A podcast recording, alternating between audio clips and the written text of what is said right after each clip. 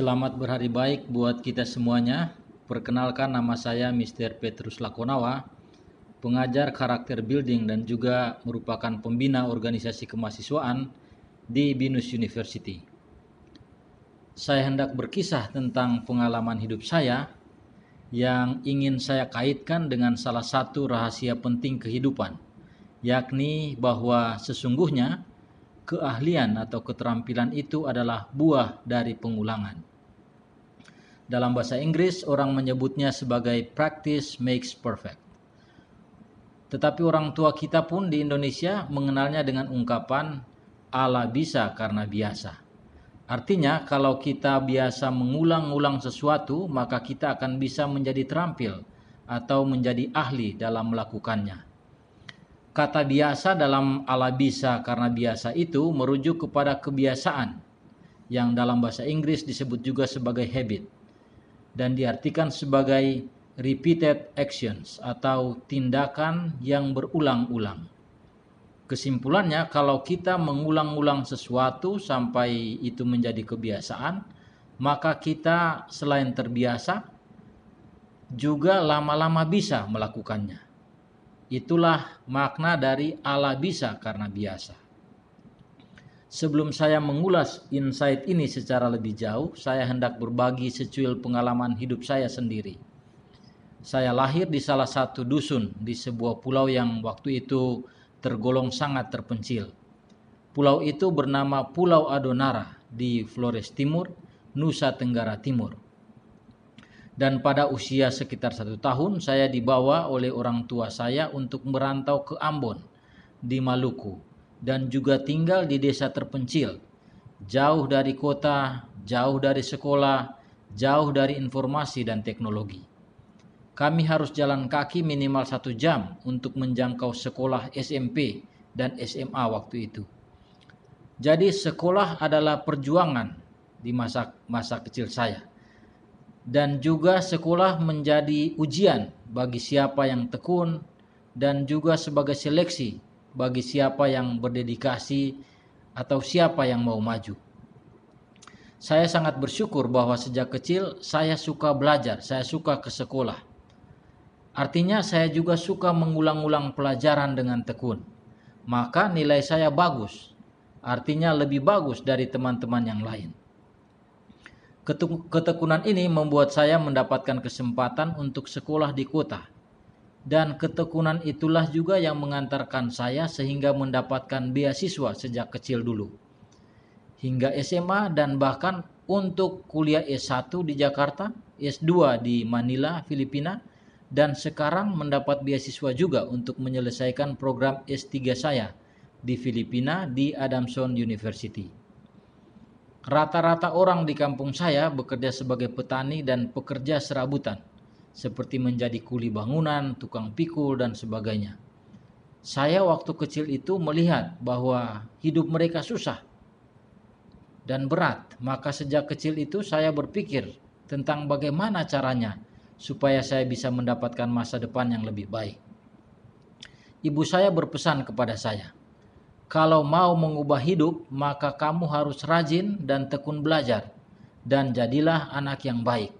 Semoga Tuhan akan membuka pintu-pintu sukses untuk masa depanmu.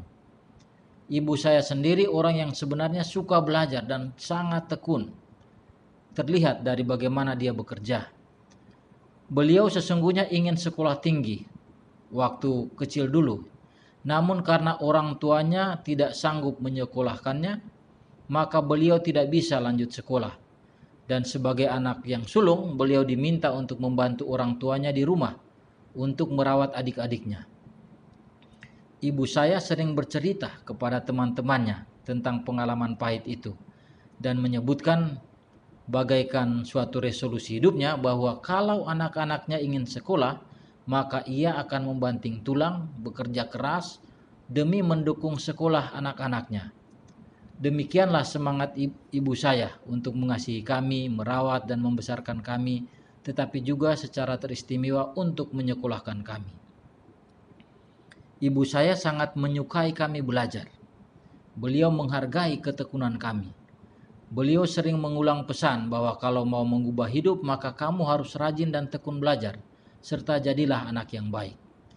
Saya mencamkan baik-baik pesan itu karena saya yakin bahwa orang tua saya itu yang penuh kasih itu pasti bermaksud baik bagi hidup saya. Dan bagi saya tidak ada orang tua yang ingin menyulitkan hidup anaknya. Sebaliknya orang tua sangat ingin anaknya bahagia dan sukses. Salah satu hal utama yang sangat menginspirasi saya selain pesan tersebut dan pengalaman personal saya tentang betapa ibu saya ibu saya mengasihi kami adalah juga ketekunannya dalam hal bekerja. Ibu saya adalah pekerja yang sangat berdedikasi tinggi. Beliau sangat ulet dalam keteladanan hidupnya sehari-hari. Jadi waktu saya merenungkan tentang hidup keluarga kami, saya meyakini bahwa keteladanan ibu saya yang bekerja keras penuh kasih itulah yang membuat saya pun ikut-ikutan te tekun belajar dan bekerja. Ketika teman-teman saya suka bermain dan menghambur-hamburkan waktu tidak karuan, saya lebih memilih untuk belajar. Ketika teman-teman saya ogah-ogahan dan asal-asalan, saya tetap ulet bekerja keras, belajar rajin. Hasilnya nilai saya lebih baik daripada teman-teman saya waktu itu dan perlahan-lahan pintu-pintu kebaikan pun terbuka. Rahmat Tuhan tercurah. Sekolah dan kuliah saya jadi lancar dan didukung oleh beasiswa dari berbagai pihak. Baru-baru ini saya mendapat email dari kampus saya di Manila, Filipina, yakni kampus tempat saya mendapatkan beasiswa kuliah S3 saya sekarang ini.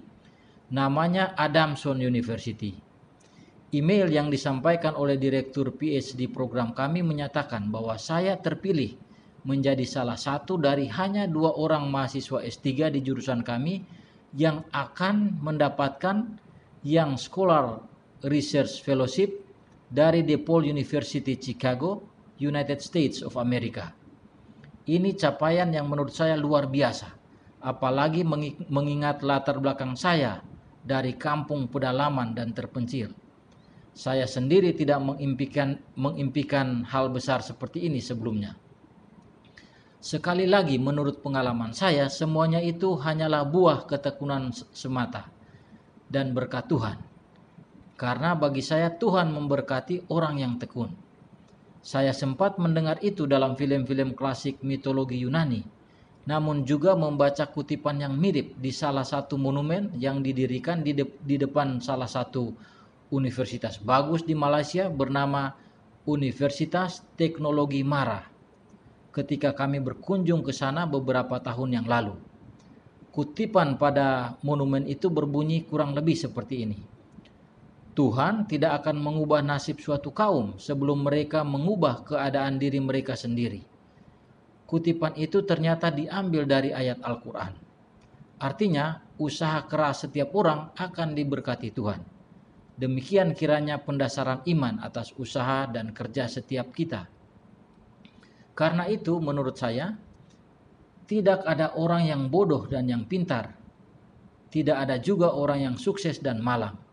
Yang ada adalah orang malas dan orang yang tekun atau orang orang yang asal-asalan dan orang yang bersungguh-sungguh serta ulet. Kepandaian dan kesuksesan itu menurut saya hanyalah hasil dari kerja kita yang sungguh-sungguh. Ketekunanlah yang merupakan salah satu faktor penentu kesuksesan kita. Saya ingat seorang kakak kelas saya waktu kuliah S2 di Manila dulu. Dia juga dari Indonesia. Waktu mau memulai kuliah S2 di Filipina itu, dia dinyatakan tidak lulus tes masuk karena terkendala dalam bahasa Inggris. Akhirnya dia harus mengulang. Dia harus kursus bahasa Inggris terlebih dahulu selama setidak-tidaknya satu tahun. Saat teman-teman seangkatannya yang lain dari Indonesia sudah langsung kuliah. Dia waktu itu begitu malu dan minder. Namun dia terbuka untuk belajar. Dia mengambil kursus bahasa Inggris dan tetap tekun belajar bahasa Inggris yang menakjubkan bagi saya sekarang ini adalah dia telah menjadi editor in chief di Indonesia dari salah satu surat kabar internasional terkenal berbahasa Inggris. Saya sering membaca tulisan-tulisannya dalam surat kabar tersebut. Dan saya temukan bahwa tulisannya sangat berkualitas. Bahasa Inggrisnya excellent. Tidak terasa bahwa dia seorang jurnalis dari Indonesia. Suatu ketika kami berjumpa dan dia bercerita tentang pengalamannya bekerja sebagai wartawan. Bahwa pada awal mula menulis berita dia pun merasa sangat sulit. Kadang butuh waktu berhari-hari untuk menyelesaikan satu berita yang berkualitas. Bahkan biasanya itu pun ditolak atau diminta revisi. Namun setelah bertahun-tahun mengulang dan menekuni profesi sebagai jurnalis, maka semuanya jadi mudah dan secara gradual menjadi jauh lebih mudah bahkan sangat mudah baginya. Ia bisa menyelesaikan berita apa pun dalam waktu yang sangat singkat. Bahkan bisa juga menjadi mentor dan coach bagi jurnalis-jurnalis muda karena dia sudah lebih berpengalaman sudah makan garam, sudah sering mengulang terlebih dahulu. Dan kini dia telah menjadi seorang pemimpin redaksi. Ada pepatah bahasa Latin yang sangat menginspirasi dalam hal ini. Pepatah itu berbunyi, Stila cafet lapidem. Artinya, kurang lebih demikian. Tetesan air menembusi batu cadas yang keras dan kokoh karena keseringan dia menetes. Artinya, setetes demi setetes, tapi terus-menerus menetes, maka air bisa menembusi batu karang yang keras. Kesengir, keseringan itulah kekuatannya. Kedikjayaan tetesan air berhadapan dengan batu yang cadas terletak pada keseringan dan ketabahannya menetes.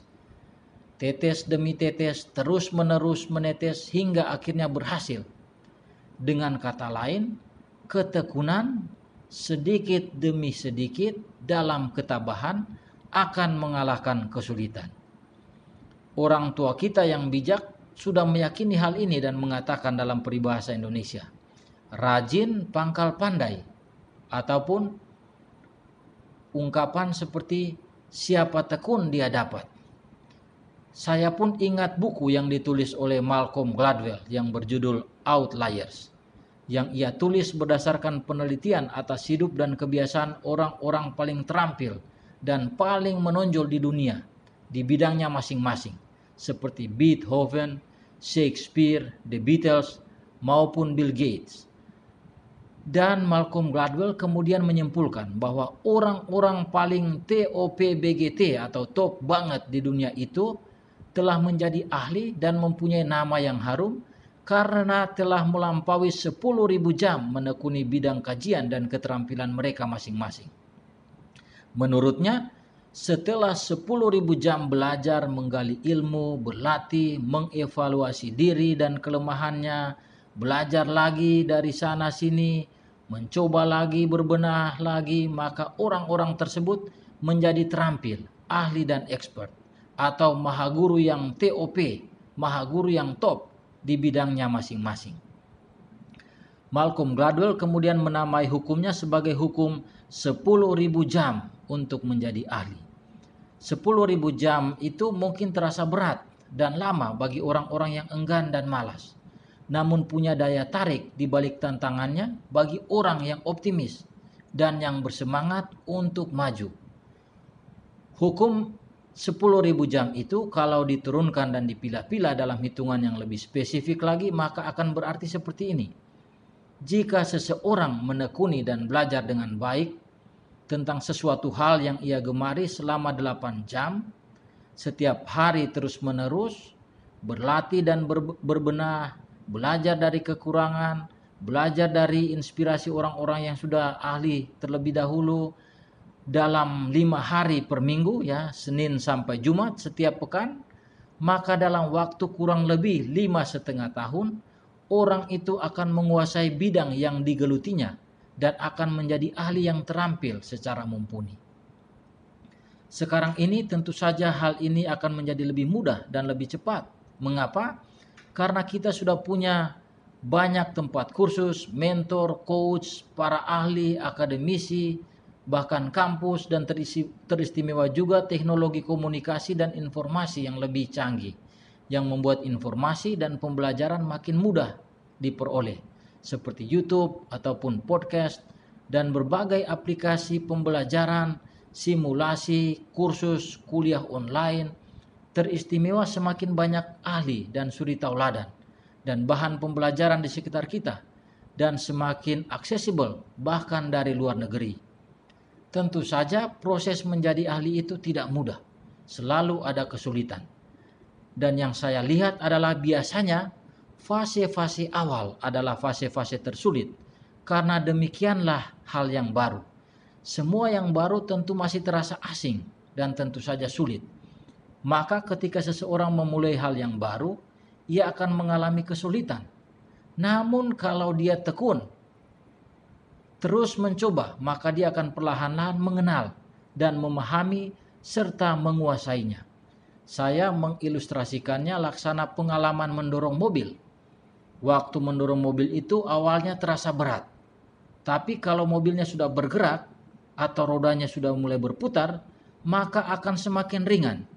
Hal yang sama ketika orang menjalani keterampilan apa pun seperti menggoyah sepeda. Awalnya susah, kagok, bingung hingga jatuh, kadang bahkan terluka dan sebagainya. Namun kalau kita tidak berhenti melainkan lanjut terus berulang-ulang dan mencoba berlatih lebih baik, maka kita akan berhasil, bahkan akan terampil, nyaman, goe sepeda sambil bersiul-siul. Demikian yang terjadi untuk semua keterampilan yang ada, seperti menyetir mobil, menari, berenang, berbicara bahasa asing dan sebagainya. Kalau kita dengar lagu terus-menerus apalagi ikut menyanyikannya terus-menerus, maka kita akan hafal lagu yang baru itu di luar kepala. Sekalipun itu lagu berbahasa Korea, Mandarin, Rusia, Spanyol, dan bahasa asing lainnya. Bagaimana kita bisa melakukannya? Tentu saja karena keseringan mengulanginya. Paduan suara yang rajin berlatih akan menghadirkan performance yang lebih baik. Dan jika ditangani oleh pelatih yang hebat, berisi para penyanyi yang berkualitas, yang tekun berlatih, maka hasilnya akan sangat memukau. Latihan yang ulet, pelatih yang hebat dan dedicated, lingkungan serta fasilitas yang mendukung akan sanggup melahirkan tim yang juara. Namun pertanyaan dasar yang mengemuka umumnya adalah bagaimana supaya bisa tekun mengulang? Saya memikirkan salah satu hal yang mendasar tentang pertanyaan ini, yaitu tentang rasa suka atau gemar dan cinta. Orang menyebutnya sebagai passion, atau sederhananya kegemaran yang menagih. Kalau kita menggemari sesuatu dan mengulang-ulang dengan cinta yang besar, maka lama-lama itu akan menjadi addiction atau ketagihan kita merasa ketagihan untuk melakukannya. Kita mencari-cari hal itu dan menekuninya. Buahnya adalah apa? Keterampilan kita. Ada satu isu juga yang menjadi kegelisahan umum. Orang berpikir bahwa passion itu terberi dari lahir, berdasarkan gen atau keturunan, dan sebagainya dan sebagainya. Tentu saja itu ada benarnya. Namun saya lebih cenderung untuk sedikit melupakan hal-hal yang bersifat bawaan seperti itu, termasuk IQ, bakat bawaan dan sebagainya. Karena saya ingin agar kita bersyukur dengan apa yang kita miliki, yang tidak bisa kita ubah seperti tubuh kita, silsilah kita, warna kulit kita dan sebagainya. Dan saya lebih ingin memfokuskan pada apa yang bisa kita perbuat Pandangan bahwa bakat itu terberi sebagai bawaan genetik kadang membuat orang pesimis dan mengungkung diri alias tidak mau mencoba dan mempelajari hal yang baru. Jika menganggap bahwa dia tak punya bakat pada hal tertentu, pada hal yang baru itu, semata-mata karena hal itu masih asing baginya. Hal yang perlu diingat adalah kita punya apa yang ada dan waktu yang tersedia maka kita terima itu. Lalu kita manfaatkan apa yang ada untuk mengembangkan diri kita. Teristimewa mengisi waktu kita sebaik mungkin. Bakat itu bisa dikembangkan asal kita mau melakukannya. Passion pun demikian, bisa dimunculkan dan dikembangkan. Misalnya dengan cara exposure, terjun ke dalam kehidupan yang beragam, lihat orang-orang di sekitar, simak YouTube, dan sebagainya, cicipi keterampilan apa pun yang ada, baik di bidang olahraga, musik, ilmu pengetahuan, ilmu pengetahuan bisnis dan sebagainya. Coba sana, coba sini. Kenali apa yang ada. Lalu tekuni dan geluti, lama-lama muncul rasa suka, muncul kegemaran, passion dan addiction untuk menjalaninya. Namun bagaimana supaya bisa menyukai? Bagaimana supaya bisa menggemari dan menekuninya? Saya mengamati salah satu hal yang penting yang terkait dengan hal ini, yaitu pentingnya memiliki rasa wow atau rasa takjub dan terkesima dengan hal-hal yang baru yang digerakkan oleh rasa ingin tahu atau curiosity. Inilah sikap dasar yang harus dilestarikan dan dipupuk terus-menerus. Kita harus punya rasa ingin tahu dan rasa terkesima, rasa wow, being amazed atas hal-hal di sekitar kita. Teristimewa atas keterampilan-keterampilan serta pengetahuan-pengetahuan yang dibutuhkan dalam kehidupan. Para filsuf dan orang-orang bijak mengatakan dalam bahasa Inggris, knowledge grows from wonders. Artinya, pengetahuan berkembang dari rasa terkesima atau rasa ingin tahu. Kalau kita tidak punya rasa ingin tahu dan rasa terkesima, maka kita akan mandek, stagnan, dan berhenti perkembangan kita terhambat lantaran pengetahuan dan keterampilan kita pupus.